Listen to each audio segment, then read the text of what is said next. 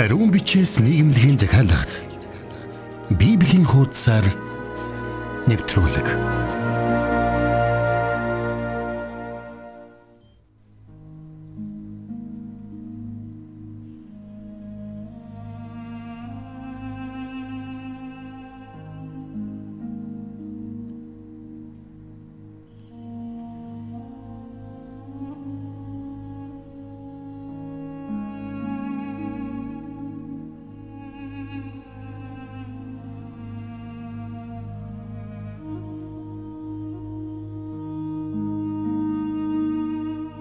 Ирхэм сонсогч танд энэ өдрийн мэнд хүргэе.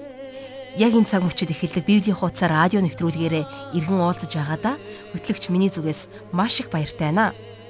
Тэгэхээр өнгөрсөн удаагийн хичээлээр бид Бурхны хүүтэй хувийн харилцаатай байх талаар үзсэн байгаа. Есүс Христ бол сайн сайхны цогц нэгдэл болсон нэг юм аа. Тэр биднийг аварч биднийг өөртөөгөө нэгтгэж өгсөн Тиймээ бид бурхантай нэг цул болсон гэж бодохоор үнэхээр гайхамшигтай. Тиймээс итгэгч бидний амьдралаас ч гэсэн Есүс Христийн тэрхүү сайн зан чанар гэрэлтэн харагдах ёстой. Бид Христэд өөрсдийгөө зориулан амьдрна гэдэг бол бид завгүй үйлчлэнэ гэсэн үг шим аа.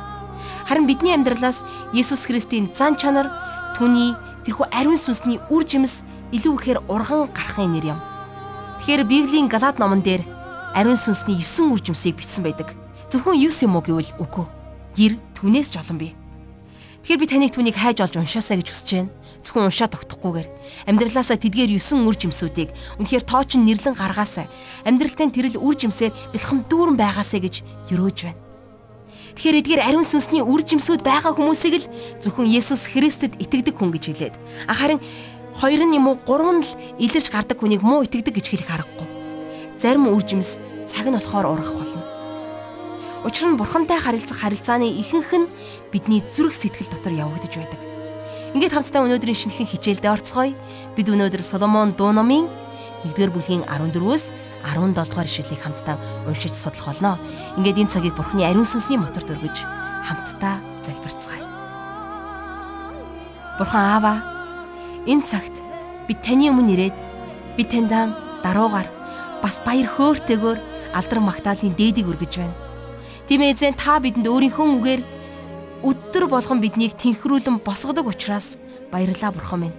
Энэ өдөр ч гэсэн бид таны өмнө ирээд таны амьд ариун үгийг хөсөмжлөн гойн залбирч байна.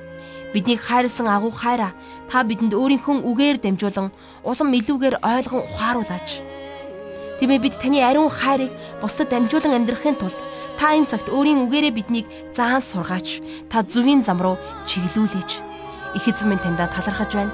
Энэ хичээлийн цагийг таны мотор зүргэж эзэн Есүсийн нэрээр залбирanгуйж байна. Амен. Ингээд хамтдаа жаргал агшиг хичээлд анхаарлаа хандуулцгаая.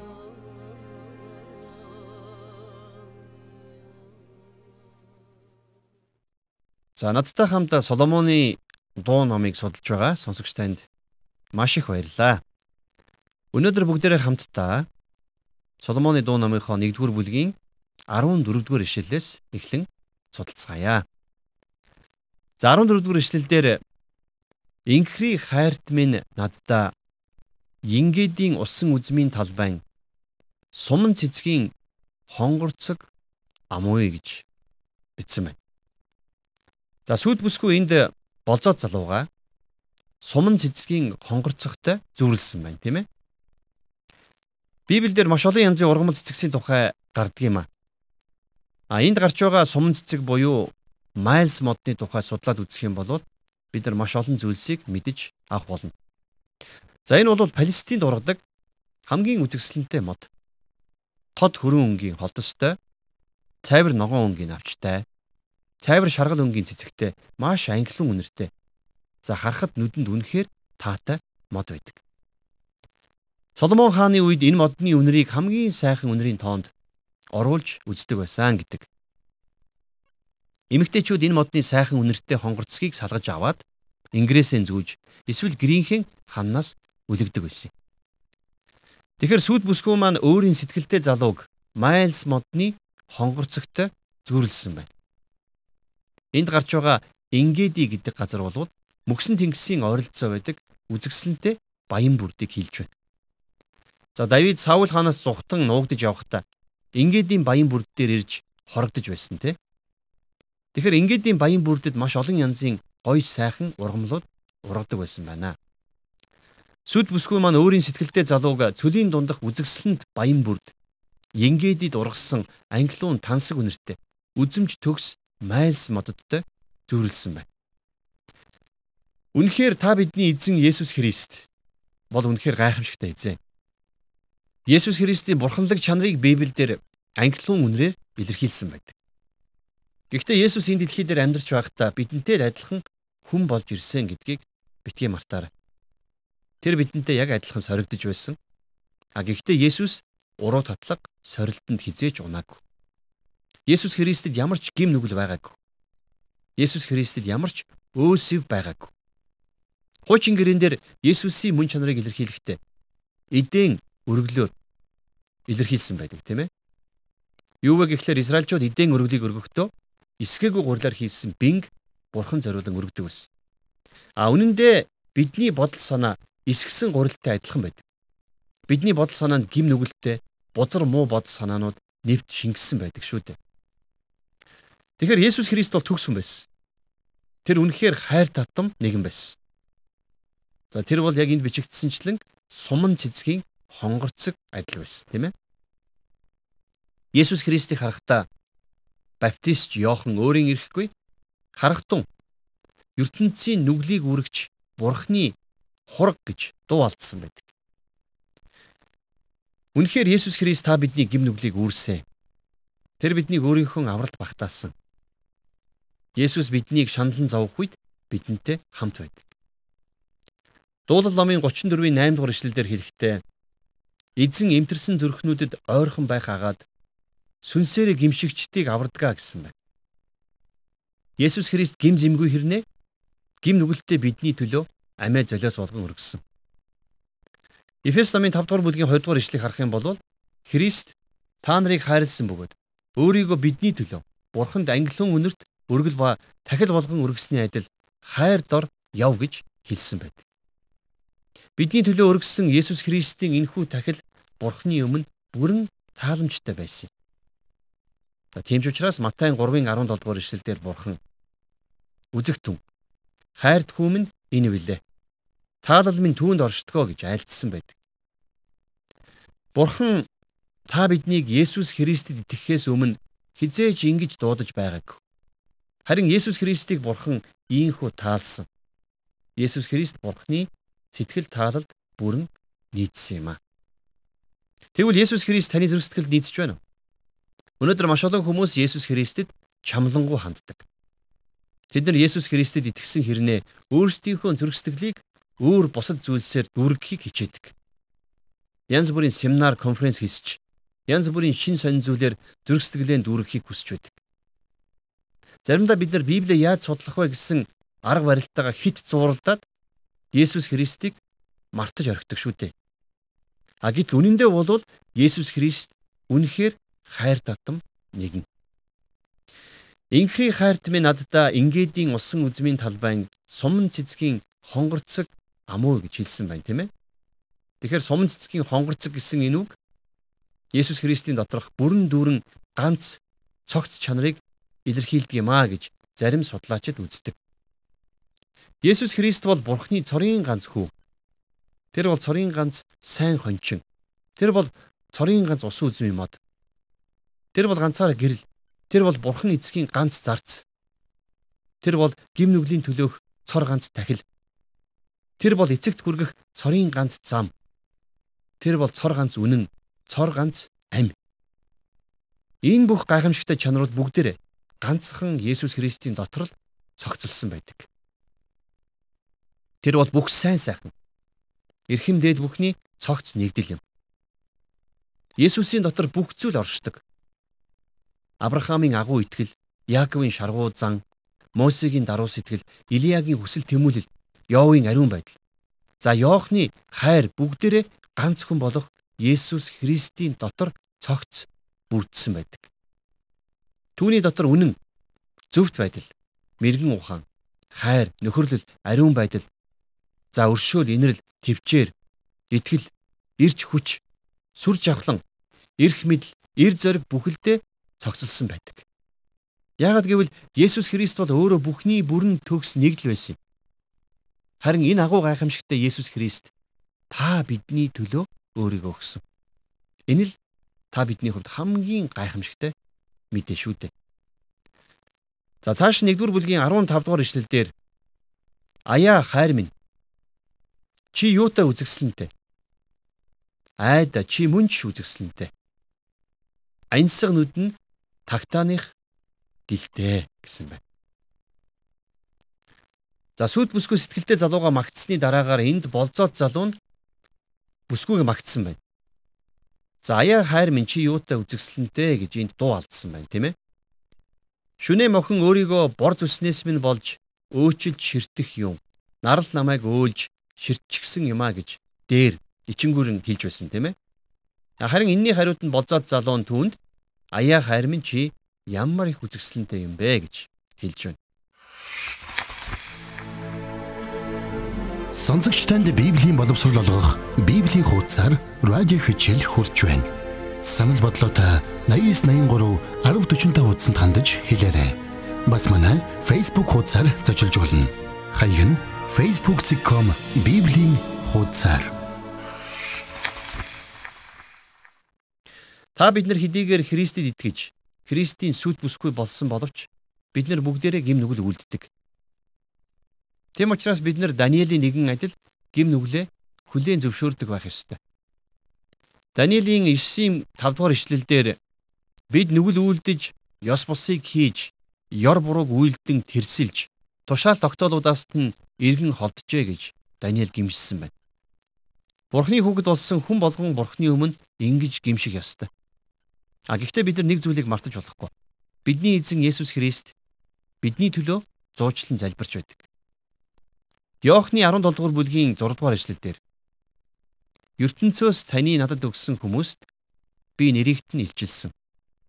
Тэд таних байсан бөгөөд та тэднийг надад өгсөн. Тэд үгийг танд сахисан юмаа гэж Есүс залбирсан байдаг. Өөрөөр хэлэх юм бол эзэн Есүс Христ та бидний төлөө зуучлан залбирч байгаа юм. Бид нэр Христийн дотор байгаа учраас Бурхан эцэг биднээс ямар ч өө сэвийг олж харддаггүй. Хуучин гэрээн дээр Балаам гихч хүн Израильчуудыг хараах гэж байхад Бурхан хоригдсан байдаг. Яагаад гэвэл Бурхан Израильчуудыг Христийн дотор байгаагаар харж байсан. Бурхан өөрийнхөө ард түмнийг хөндлөнгийн нэгнээр хараалгахыг зөвшөөрөөгүй. Өнөөдөр ч гэсэн Бурхан биднийг бас яг ингэж харж байгаа. За цааш нь харах юм бол айда чи мөн ч үзэгсэлэнтэй ансаг нүд нь тагтааных гэлтэй гэсэн байна. За энд сүд бүсгүйнхэн гоо үзэгслэн тагтааны нүдтэй холбож зүүрлсэн байгааг бид сая харлаа тийм ээ. Тэгэхээр тагтаа шуу бол ихэнхдээ тууштай байдал, инх тайван, за цэвэр ариун байдлын бэлэгдэл болж байдаг шуу. Сүд бүсгүй нь болцоо залуугийнхаа нүд рүү ширтэн харах үед болцоо залуу нь тэрний гоо үзэгслэн олж харсан. Нүд бол биеийн динлүү. Нүд чинь саруул аваас бүтэн бие чинь гэрэлтэй байна. Харин нүд чинь ёрын муу аваас бүтэн бие чинь харанхуй болно гэж Матай 6-гийн 23 дээр Есүс хэлсэн байдаг. Итгэгч бид нар ч гэсэн бас яг энтэй адилхан зөвхөн Есүс Христийг ширтэн харж амьдрах үед Бурхны мэлмид бид нар үзэгсэлэнтэй харагддаг юм аа. Матай 10-ын 37 дугаар ишлэлдэр эцгээ юм уу ихээ надаас илүү хайрлагч нь миний хувь зохистой нэгэн биш. Хүүгээ эсвэл охиноо надаас илүү хайрлагч ч миний хувьд зохистой нэгэн бишээ гэж хэлсэн байдаг. Тэгвэл өнөөдөр та зөвхөн Есүс Христийг л ширтэн харж амьдрч чадаж байна уу? Өнөөдөр маш олон итгэгчид бурханд өөрсдийгөө зориулах тухай ярьдаг. Маш олон хүмүүс бурханд өөрийгөө зориулахыг хүсэж байна гэж хэлдэг. За тэгсэн хэрнээ тэдний үйлчлэл нь хайш яаш байдаг. Тэд нар бурхны үгийг судлах, бурхантай ховжилсан цаг гаргах тал дээр дэндүү хойрог залхуу байдаг. Тэгэхээр үнэндээ зориулт гэдэг бол зүгээр нэг хий хоосон яриа биш ээ. Бид нэр Христэд өөрсдийгөө зориулна гэдэг бол зүгээр яриа төдий зүйл биш харин бидний амьдралаар Есүс Христ илчлэгдэн бусдад харагдах явдал юм аа. Таны амьдралаас Есүс Христ харагдаж байгаа бол та Есүс Христэд өөрийгөө зориулж байна гэсэн үг юм. Хэрвээ та зөвхөн Есүс Христийг л ширтэн харж байгаа бол түүний гоо үзэгслэн таны амьдралаас гэрэлтэн харагдах болно. Болзоот залуу нь сүд бүсгүйгээ магтсан бол одоо дараагийн ишлэлдэр сүд бүсгүй нь хариуд нь болзоот залуудаа юу гэж хэлж байгааг хамтдаа уншийе. За 16-аас 17 дугаар ишлэл. Аяа хайрт минь чи юутай үзэгсэлнтэй. Арга нүгий дурыг булаам зөөлөн буудан маань зүлэг ногоон. Өргөө дээвэр маань хуш модон адар таазан агар модон гэсэн байна. Тэгэхээр Христэд итгэгч та бидний хувьд Есүс Христэс илүү үзэгсэлнтэй нэгэн байхгүй. Тэр бол үнэхээр та бидний хайрыг татам нэгэн. За энд гарч байгаа дур булаас гэсэн үгийг бол зарим Библиэлд тааламжтай гэж орчуулсан байдаг. Чуулганы эцгүүдийн нэг гэгдэг Августин хэлэхдээ Есүс Христ бол Тэнгэрт тааламжтай. Газар дэлхий дээр тааламжтай. Онгон бүсгүй хөвлөд тааламжтай. Эцэг эхийнхээ тэрвэрт тааламжтай. Гайхамшиг дунд тааламжтай. Амьдрал дунд тааламжтай. Амиа зориулахтаач тааламжтай. Загалмайн үхлэнч тааламжтай. Анилтанч тааламжтай.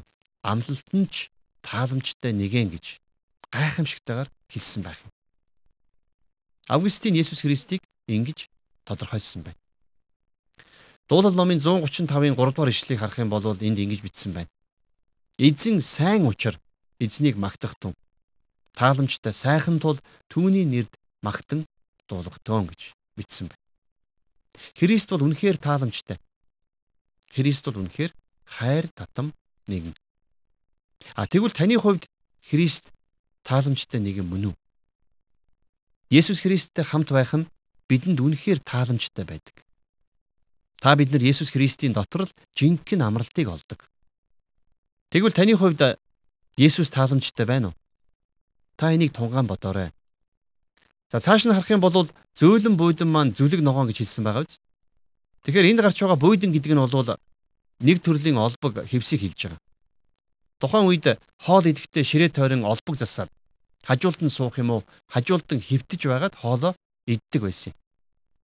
А харин хуримын цайлгын үеэр бол хуримлагч хосуудын олбогийг цэцэг навчаар бүрж ногоон өнгөтэй болгодог заншилтай байсан. За магадгүй зөөлөн будин маань зүлэг ногоон гэдэг нь тэд нар анх уулзаж бие биендээ сэтгэл алдарсан хоньны ногоон бэлчээрийг илэрхийлсэн байж болох юм. Өөрөөр хэлэх юм бол хоёулахны цагийг өнгөрөх дотн харилцаа, дотн нөхөрлөлийн тухай энд өгүүлсэн байна. Бид нар ч гэсэн бас ногоон бэлчээрт уулзаж байгаа хос хоёр шиг бурхантай ховжилсан дотн харилцаатай байх нь чухлаа. Дууллын 23 дугаар бүлэг дээр юу гэж байдаг вүлээ? Тэр намайг ногоон бэлчээрт хэвтүүлж цэнгэг усны дэрэгдүр хөтөлдгөө гэж Давид бурхныг хэлсэн байдаг тийм ээ. Тэгвэл ногоон бэлчээр тогтуухан бэлчиж байхдаа хонь амгалан тайван сэтгэл хангалуун байдаг. Тэр ногоон бэлчээрт цадтлаа бэлчээрэлдэг. Есүс Христийн урилгыг хүлээн авч Есүс Христийг өөрийнхөө аврагч болгосон хүмүүсийн амьдрал тэгвэл яг л ийм байдгийг. Эцэж туйлдж хүнд ачаа өөрсөн хүмүүсийг Есүс өнөөдөр өөрлөгөө дуудаж байгаа.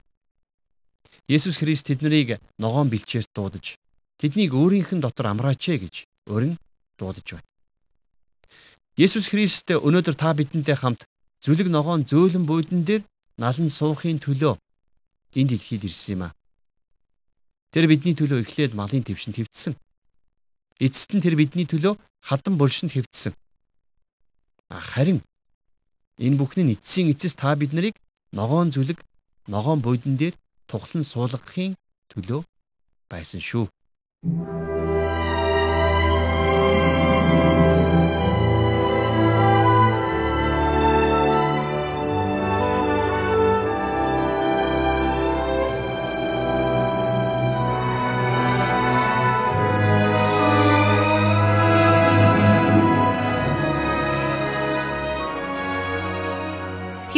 Аялал Соломон дуу номоор хамтдаа үргэлжилж байна. Бид өнөөдөр Соломоны дуу номын 1-р бүлгийн 14-өөс 17 дугаар ишлэлийг хамтдаа уншиж судлаа. Тэгэхээр нэг үе бид нэр Соломон дуу ном бол энэ бол эхнэр нөхрийн эсвэл иремийн хайрын тухай өгүүлсэн яруу найргийн ном л гэсэн ойлголттой байсан. Тэгвэл энэ ном бол хүн хүнээ хайрлах хайраас илүүтэйгээр Бурхан хүнийг ямар үн цэнтэйгээр хардаг вэ гэсэн бидний нууцлаг гэмээр асуултанд хариулт өгөх зорилготой ном. Үнэхээр гайхамшигтай биш гэж юу? Бурхан та биднийг тагтаахан минь гэж дуудаж байна. Тэгэхээр хичээлийг сонсож байхад Давид хааны бичсэн дуулал 23 дугаар бүлэг санаанд орж илаа. Эзэн бол миний хончин. Надад дутах зүйл нэг ч үгүй гэж тэр хэлсэн. Библийн энэ гоё хэсгийг хүмүүс хайж олоод уншчихдаг. Харин та цаг гаргаад 22 дахь бүлгийг нь уншвал ямар их хэцүү хүнд нөхцөл байдал донд орсон нэгний тухай уншиж болно. Тэр хүнд хэцүү үеийг даван гарахтаа хүмүүст үл харагдах зүрх сэтгэлийн хувьд бурхантай харилцах харилцаагаа огт алдаагүй нэг нь л дуулал 23 буюу эзэн бол миний хончоон гэж хэлж чадна шүү дээ. Тэгэхээр бурхантай харилцах харилцаа гэдэг бол үлгэн салган нэг дүнгээ гаргуул хайдаад алтан дунджийг барьж явдаг суралцах хүсэлгүй оюутны адил биш юм аа. Харин бурхны ивэлийг хүртээд бурхнаас чинийг эргэлхийлж түүний өрөөлийг бусдад амжуулан амьдрах амьдрал бол бурханлаг мөн бурхны хайр ивэлийг хүртсэн тийм л амьдралын тийм л итгэгчдийн хувь зохиол юм аа. Тэгэхээр би таныг бурхантай харилцах харилцаанда амжилт гаргаасай гэж чин сэтгэлээсээ хүсэж байна. Хамтдаа бурхантай харилцах харилцаанда амжилт гаргацгаая. Хамтдаа залбирая. Бурхан Аава, үнэхээр эзэн Есүс биднийг өөр дээрээ хүлээн авч биднийг амраахын тулд бидний төлөө амиа өгсөн билээ. Тимээ эзэн, бид таныг хайрлаж, өдөр болгон бид таны дотор хайр дотор амьдрахад туслаарай. Эзэн яг энэ цаг мөчид ч гэсэн бид өмнөхөр эцэд туйлдж ядаж доройтсон байна. Та бидний өвдгийг тэнхрүүлээч.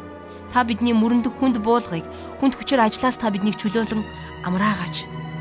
Их эзэн минь таны хайрын үйлчлэл бидний замыг зүвийн зам руу, амийн зам руу гიშгүүлсэн учраас таньдаа талархаж байна. Эзэн Есүсээ тань зогцолсон тэрл бүхий сайн сайхан зан чанаруудыг бид өөрсдөөсөө гэрэлдүүлэн амьдрахад та ариун сүнсээрээ бидэнд туслаарай өдрөөс өдөрт эзэн Есүс тантай улам адилхан ойр дотн болж харилцахад өсөж төлөвшөхөд та бидэнтэй хамт байгаарай. Биднийг та ариун сүнсээрээ удирдаарай. Бүхий л ам амьдралаа таны мотор төргөж эзэн Есүсийн нэрээр залбирanгуйлаа. Амен.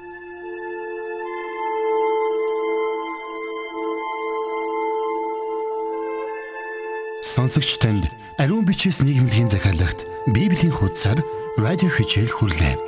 Энэхүү хичээл маань танд даваагаас баасан гарагийн 14 цаг 5 минутаас хүрч байх болно. Санал хүсэлтээ та 8983 1045 дугаарын утсанд болон Библи хуудас @gmail.com захим хаяг тандж ирүүлээрэй.